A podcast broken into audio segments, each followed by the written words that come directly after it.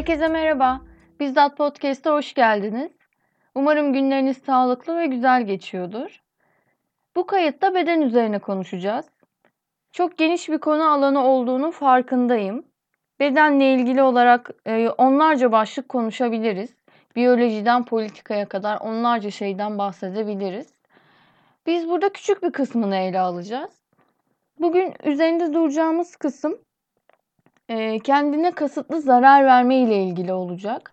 E, kesme, bağlama, e, piercing yaptırma, dövme, bunu gizli veya açıktan yapma, yaparken de birilerinden ilgi, sevgi gibi beklentilere girme veya tam tersi herkesten gizleme gibi faktörleri konuşacağız. Hepimizin vücudunda ufak da olsa yaralar vardır. Bakıp da bazı anılarımızı hatırladığımız, bize çocukluğumuzu ya da gençliğimizden birini hatırlatan. Peki ya bunları bilerek mi oluşturdunuz? Muhtemelen hayır. Kendi vücudunda bilerek yara açma fikrini ilk kez duymuş olabilirsiniz hatta. İşte bugün bu yaraları ve altındaki anlamların neler olabileceğini konuşacağız. Vücutta bilerek yara oluşturma, kesme, dövme ve piercing yaptırma gibi bedene acı veren eylemlerden haz alma sık karşılaşılan ve bilinçli olarak oluşturulan yani altında herhangi bir psikolojik rahatsızlık olmak zorunda olmayan bir durum. Kendine zarar verme davranışı en temelde duygusal bir süreçtir. Bazen yaralar yepyeni duygular hissetmek için açılır. Bazen olan duygudan kaçmak için. Kendini yaralama özellikle kesme davranışında e, bireyin gerçeğe geri dönmesini, gerginlik ve anksiyeteden kurtulmasını sağlar. E, başkalarının gözünde farklı görünme kaygısıyla da yapılabilir tabii ki. Genellikle tahmin edersiniz bu amaçla ergenlik döneminde yapılıyor. E, ya da çok daha başka bambaşka anlamlar da içerebilir. Bu kısımda kendimizi kısıtlamayan hani ilgi çekmeye çalışıyor, bir şeylerden kaçmaya çalışıyor, e, kendini kanıtlamaya çalışıyor gibi kısıtlamalara girmeye gerek yok. Çok daha başka, çok daha varoluşsal anlamları da olabiliyor bu davranışların. E, bizim genel kanımız, buna ön yargı da diyebiliriz e, insanların iyiye, güzele, gelişmeye doğru ilerlediği yönünde. Fakat insan iyiye yöneldiği kadar kötüye de yönelir ve kötüyü de ister. İnsanda var olan içgüdüden çok fazla bahsedemeyiz ama iki tanesinin varlığından eminiz. Yaşam ve ölüm içgüdüsü. Bu farklı ve uzun bir konu ama kendi konumuzu da dağıtmadan kısaca bahsedersek Freud yaşamı destekleyen, mutluluk yaratan güdülerin yanında zarar veren davranışların da açıklaması olacak şekilde başka bir içgüdünün arayışı içine düşer. Burada karşımıza Thanatos çıkar. İnsanları iyiye yönelten Eros'a karşı kötüye yönelten Thanatos. Eros ve Thanatos. Sürekli yarış halinde olan ve birbirlerinden rol kapmaya çalışan içgüdüler. Bazen ölüm içgüdüsü kazanır ama bu kendini bu şekilde göstermez de ölüme yakın olma, sınırlarında dolaşma şeklinde gösterir kendini. Burada kendine bilerek zarar verme davranışı ölümle simgesel bir oyuna dönüşür. Ölüme yakın gibi gözükse de ölümden olabildiğince uzaktır aslında bu davranışlar. Yani burada bahsedilen ölüm değil, aslında yaşamak için ölümü arzulama durumu. Arzu daha ön plana çıkıyor. Arzulamaya devam etme. E, çünkü eğer hani intihar gibi bir ölüm gerçekleşirse bu sefer dolayısıyla arzu da ortadan kalkacak. Ama burada amaç arzulamaya devam etmek. O yüzden biraz da ölümün sınırlarında dolaşma şeklinde gösteriyor kendini bu davranış. Canını kurtarmak için cana yapışan ölümden kurtulma isteği bir anlamda. Sadece canlı olduğunu, yaşadığını hissettiren bir durum. Yani yaşadığımızı öldüğümüzü zannettiğimiz anlarda arıyoruz biraz da. Yani çünkü varlıkta e, ciddi bir aşırılık vardır. Yani yaşadığını hissettiren uç noktalardır. O uç noktalara, aşırı noktalara ulaşma insana bazen yaşadığını, hayatta olduğunu hissettiren bir şeye dönüşüyor. İngilizce'de self mutilation, self harming veya self injuries olarak da geçiyor. Kişinin ölme arzusu olmadan kendi bedenine yönelik zarar verme davranışı olarak tanımlayabiliriz kısaca. E, sözcüklerle ifade edilemeyen acı ve umutsuzluğu bedene kazıyarak beden vasıtasıyla ortaya koyma girişimi olarak ifade edebiliriz.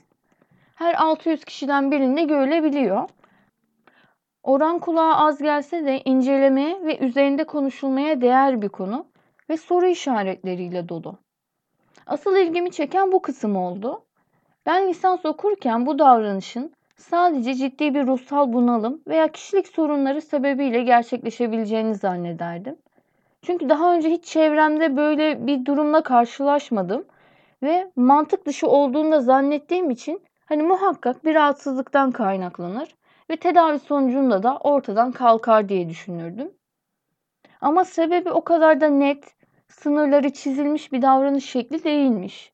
Yani bu davranış şekli psikiyatride de genellikle görmezden gelinir.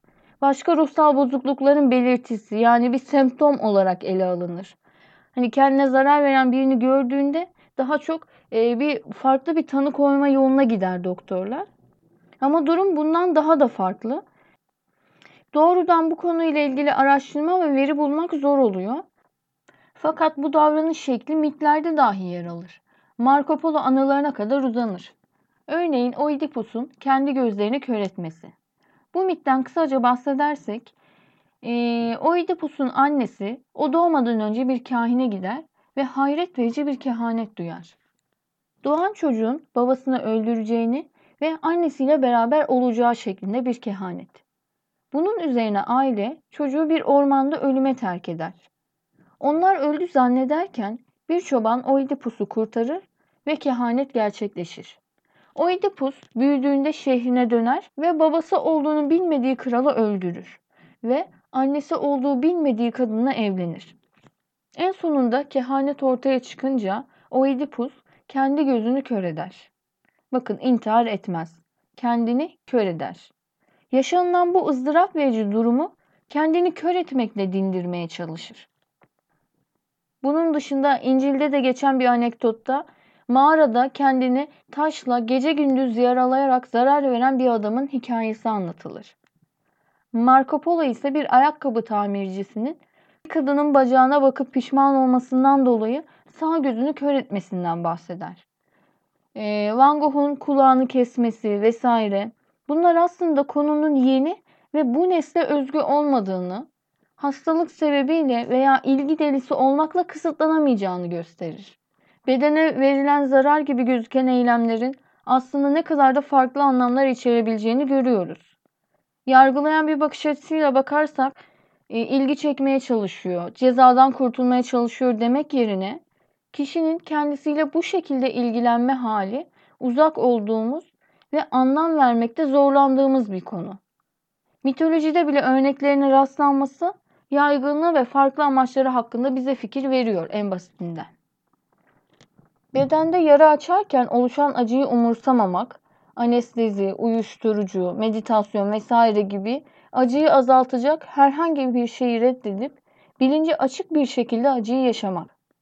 Bilincin açık olması kısmı önemli ve dikkat çekici. Çünkü kişiler içinde bulunduğu durumu tüm ayrıntılarıyla deneyimlemek istiyor. Bu çok önemli bir nokta. Yani kişinin böyle bir deneyim ihtiyacı üzerinde durulması gereken en temel şey. Bedene zarar verirken bunu kontrollü bir şekilde yapıyorlar. Sterilizasyonu sağlar. E, çünkü mikrop kapıp iltihapla doktora gitmek ve durumu açıklamak istemezler. Gizli kalması bazı kişiler için çok daha önemlidir. E, daha çok üzüntü veren bir dertten kaçarken aynı zamanda kendini başka bir şeyin, yaşadığını hissettiği bir şeyin içinde bulma ihtiyacı. Yani bu da deneyimi her saniyesiyle ve vücudun her zerresiyle yaşama isteğine götürüyor. Böyle anlarda heyecan içinde olup güçlü duygular hissedilir. Çünkü sadece var olmakla kalmaz kişi, var olduğunda hisseder böyle anlarda. Bunun dışında yaralama esnasında kan dökme de eylemin önemli bir unsuru. E, kan dökme bedenin iç ve dış bölümleri arasındaki bir engelin aşılması bağlamında en etkileyici örnek diyebiliriz. Akan kan kişiye hayatta olduğunu, hala canlı olduğunu hissettiriyor. Yaşanan ızdırap belki de hayatına son verme arzusunun tam zıttı. Canlı olduğunu, kendine yeniden hatırlatma aracı olarak kullanılan kan. Burada kanı görmekle hani e, yaşanılan farklı bir rahatlama durumundan da bahsedebiliriz. E, daha farklı bir konuya gelirsek sanat dalları arasından beden performans sanatında da yaygın bir şekilde bedene verilen acı, yaralama üzerine yoğunlaşılır. E, beden performans sanatının gelişiminde daha çok kitlesel değişimler ve buhranlar etkili olmuştur. E, ne gibi? Mesela Fransız ihtilali gibi, sanayi devrimi gibi, dünya savaşları gibi bu tür e, ihtilallerden, savaşlardan, bu tür krizlerden sonra beden performans sanatlarında bir değişim, bir ilerleme görürüz. Yani daha böyle çarpıcı performanslar ortaya koyma durumlarını görürüz. Sanatçılar bedenleri vasıtasıyla yaşadıkları sıkışmışlığı ve baskıyı ifade etmeye çalışırlar aslında. Bu konuda dünyaca ünlü sanatçı Marina Abramovich'e bakabiliriz. Onun için sanat ve varoluş sancısı beden üzerinde tezahür eder. Bedenini aracı ettiği sanatıyla fiziksel ve zihinsel sınırlarını zorlar. Kendini bir sanat eseri olarak sergiler. Nefessiz bırakır, keser, saatlerce ayakta bekler.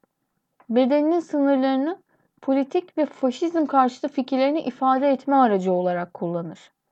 Yani bedene zarar verme bir yandan belki ergenlik döneminde daha çok dikkat çekme amacıyla olabilir. E, kendini ortaya koyma, bir ızdıraptan kaçma amacıyla olabilir. İlgi çekme amacıyla olabilir. Ama bir yandan da bir sanat dalı olarak baktığımızda bu kendine zarar verme şekli, kendiyle bu şekilde ilgilenme şekli kişilerin bir sıkışmışlığı, bir baskıyı ifade etme yolu olarak da ortaya çıkıyor. Kişilerin bedenlerinden akan kan, girilen acı verici fiziksel konum sanatçı için bir ressamın tablosunu ortaya çıkarması kadar varoluşsal bir ifade yoluna dönüşüyor. Acı bir duyumsama ihtiyacını karşılıyor burada. Orada ızdırap yoktur. Acı mı? Ya acı elbette vardır ama işkence boyutunda ızdırap söz konusu değildir. Amaç zaten oluşan acıyla ruha ağır gelen ızdırabı bastırmaktır. Bir nevi kaçış yolu aslında. Bedene zarar verme, iç gerilimi denetlemenin bir biçimidir. Tahammülsüzlüğün yarattığı baskıya karşılık kişinin kendini keserek rahatlama durumu. Sadece yaşadığını hissettiren acı eşlik eder kişiye o anlarda. Ateş üzerinde yürüyen yogiler, hac ibadeti ne kadar zor geçerse kendilerini o kadar günahlardan arınmış ve verilen nimetleri hak etmiş hisseden hacılar vesaire vesaire. Yani bunların hepsi ızdıraptan arınmış ve duyumsama boyutuna ulaşmış, bedene odaklanan uzun eğitimler ve zihinsel yoğunlaşma sonucu ulaşılmış kabiliyetler olarak bakabiliriz. Bunların hepsinde beden ve bedenle bir şeyin duyumsanması, beden vasıtasıyla bir şeylerden kaçılması ön planda. Acıyı istedikleri şeye dönüştürme, e, vücudunu kendi kontrolü altına alma meselesi kişinin varoluşunu üretmesi anlamına geliyor. E, var olmak kolaydır hani e, doğan herkese var olmuş diyebiliriz. Ama varoluşu üretmek, varoluşu yaşamak bambaşka bir konu. Bunun için ciddi bir çaba gerekir. Bunun için ciddi bir emek gerekir. E, bu kişiler de kendilerini aslında bu beden vasıtasıyla varoluşunu ifade etme yoluna gidiyor. Yani dünya ile ilişkiyi değiştirecek mistik bir deneyim yaşama ihtiyacıyla bunu yapıyorlar diyebiliriz. Dünya ile anlamsal olan ilişkisini bedende açtığı yara üzerinden bulma ya da bulduğunu zannetme. Evet bu bazı kişiler için bir ihtiyaçtır. Bu bazen de bir tür intikam aracıdır. Ya da travmayla başa çıkma yolu. Kontrolün kendinde olduğunu gösterme ihtiyacı da olabilir. Çok sevilen bir kişinin vefatı üzerine baş etme yöntemi olarak da geliştirilebilir. Aynı zamanda ilgi çekme aracı da olabilir. Şefkat arayışı veya olan sevgiyi ve şefkati doğrulama, teyit etme isteği de olabilir. Hekimin ister istemez o kişiyle ilgilen, ilgilenmesi, ilgilenmek zorunda kalması kişiyi daha güvende hissettirebilir. Ne de olsa başka biri fark ettiğinde bunu yapmasına kimse izin vermeyecek. Bu davranış şeklinin e, bir kesimde daha fazla olduğunu, belli kişilerde daha fazla olduğunu veya daha az olduğunu iddia edemeyiz.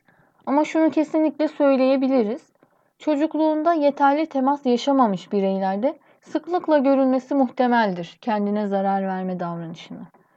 Anne baba bakımının yetersizliği, özellikle anne yoksunluğu bir anlamda duygusal izolasyon olarak değerlendirilebilir. Kendini yaralama davranışı gösteren yetişkin hastalar bu tür davranışı olmayan hastalarla karşılaştırıldıklarında çocukluklarında daha yüksek oranda ayrılık, aile içi şiddet, anne babanın fiziksel tacizi veya cinsel taciziyle karşılaşabiliyoruz. Taciz, ensest gibi travmatik durumlarda kişiler bir tür arınma olarak bedeninin sadece kendine ait olduğunu kanıtlama yolu olarak onu yaralama yoluna gidebiliyorlar.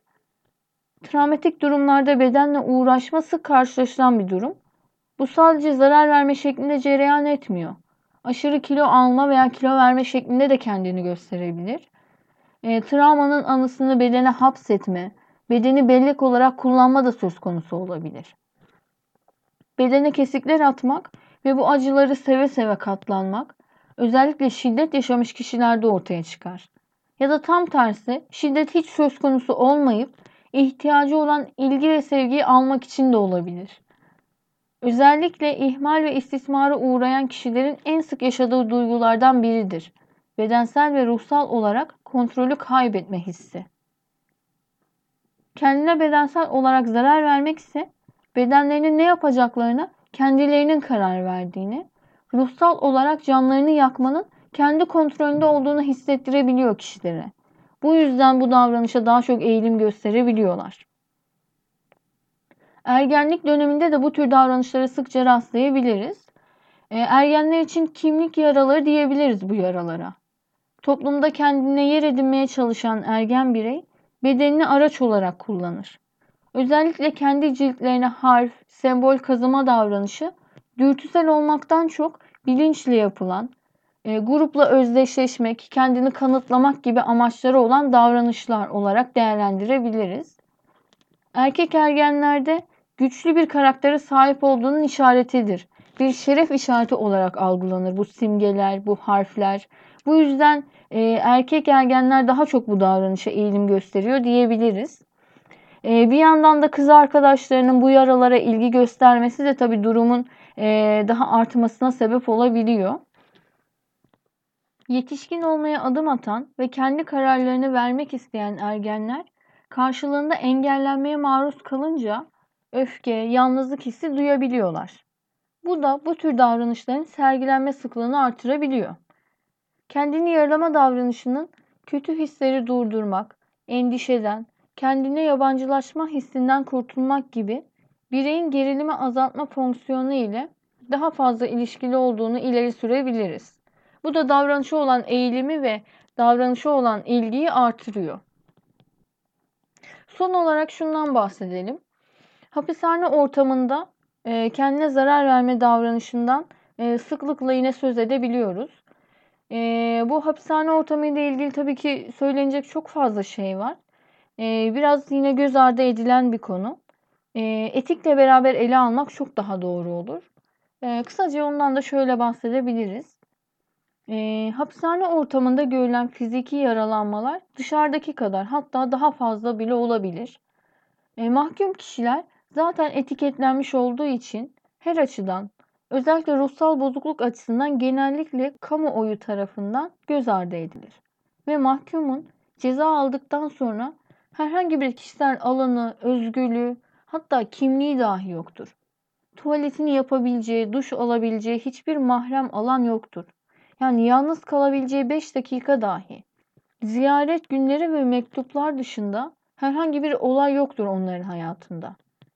Yani e, hayat durmuş veya yavaş akar gibidir. Hapse mahkum edilen bir de öncesinde zorlu hayat koşullarında yaşamışsa e, aile düzeninden yoksun olmak gibi, düşük maddi gelire sahip olmak gibi, kötü çevre vesaire e, hüküm giyme durumu koşulları daha da ağırlaştırıyor.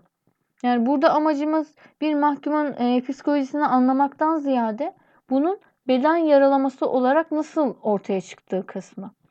Yaşanan bu koşullar ve kişinin elinde sadece bedeninin kalması bir tür kişiliksizleşmeye yol açıyor.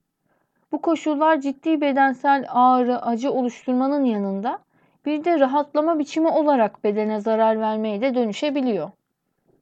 Duygusal boşlukla oluşan ızdırabın dindirilme arzusu burada da karşımıza çıkıyor. İlgi çekme, dikkati toplama amaçlarının dışında kişinin sadece mahkum olarak değil, bir birey olarak da var olmaya devam etme, tanınma çabasını ortaya koyma aracı olarak bedenini kullanabiliyorlar. Yani burada şımarıkça ilgiyi çekme değil de bir insan olarak bir yerde bir temel ihtiyaç olarak ilgi isteğini karşılama diyebiliriz buna.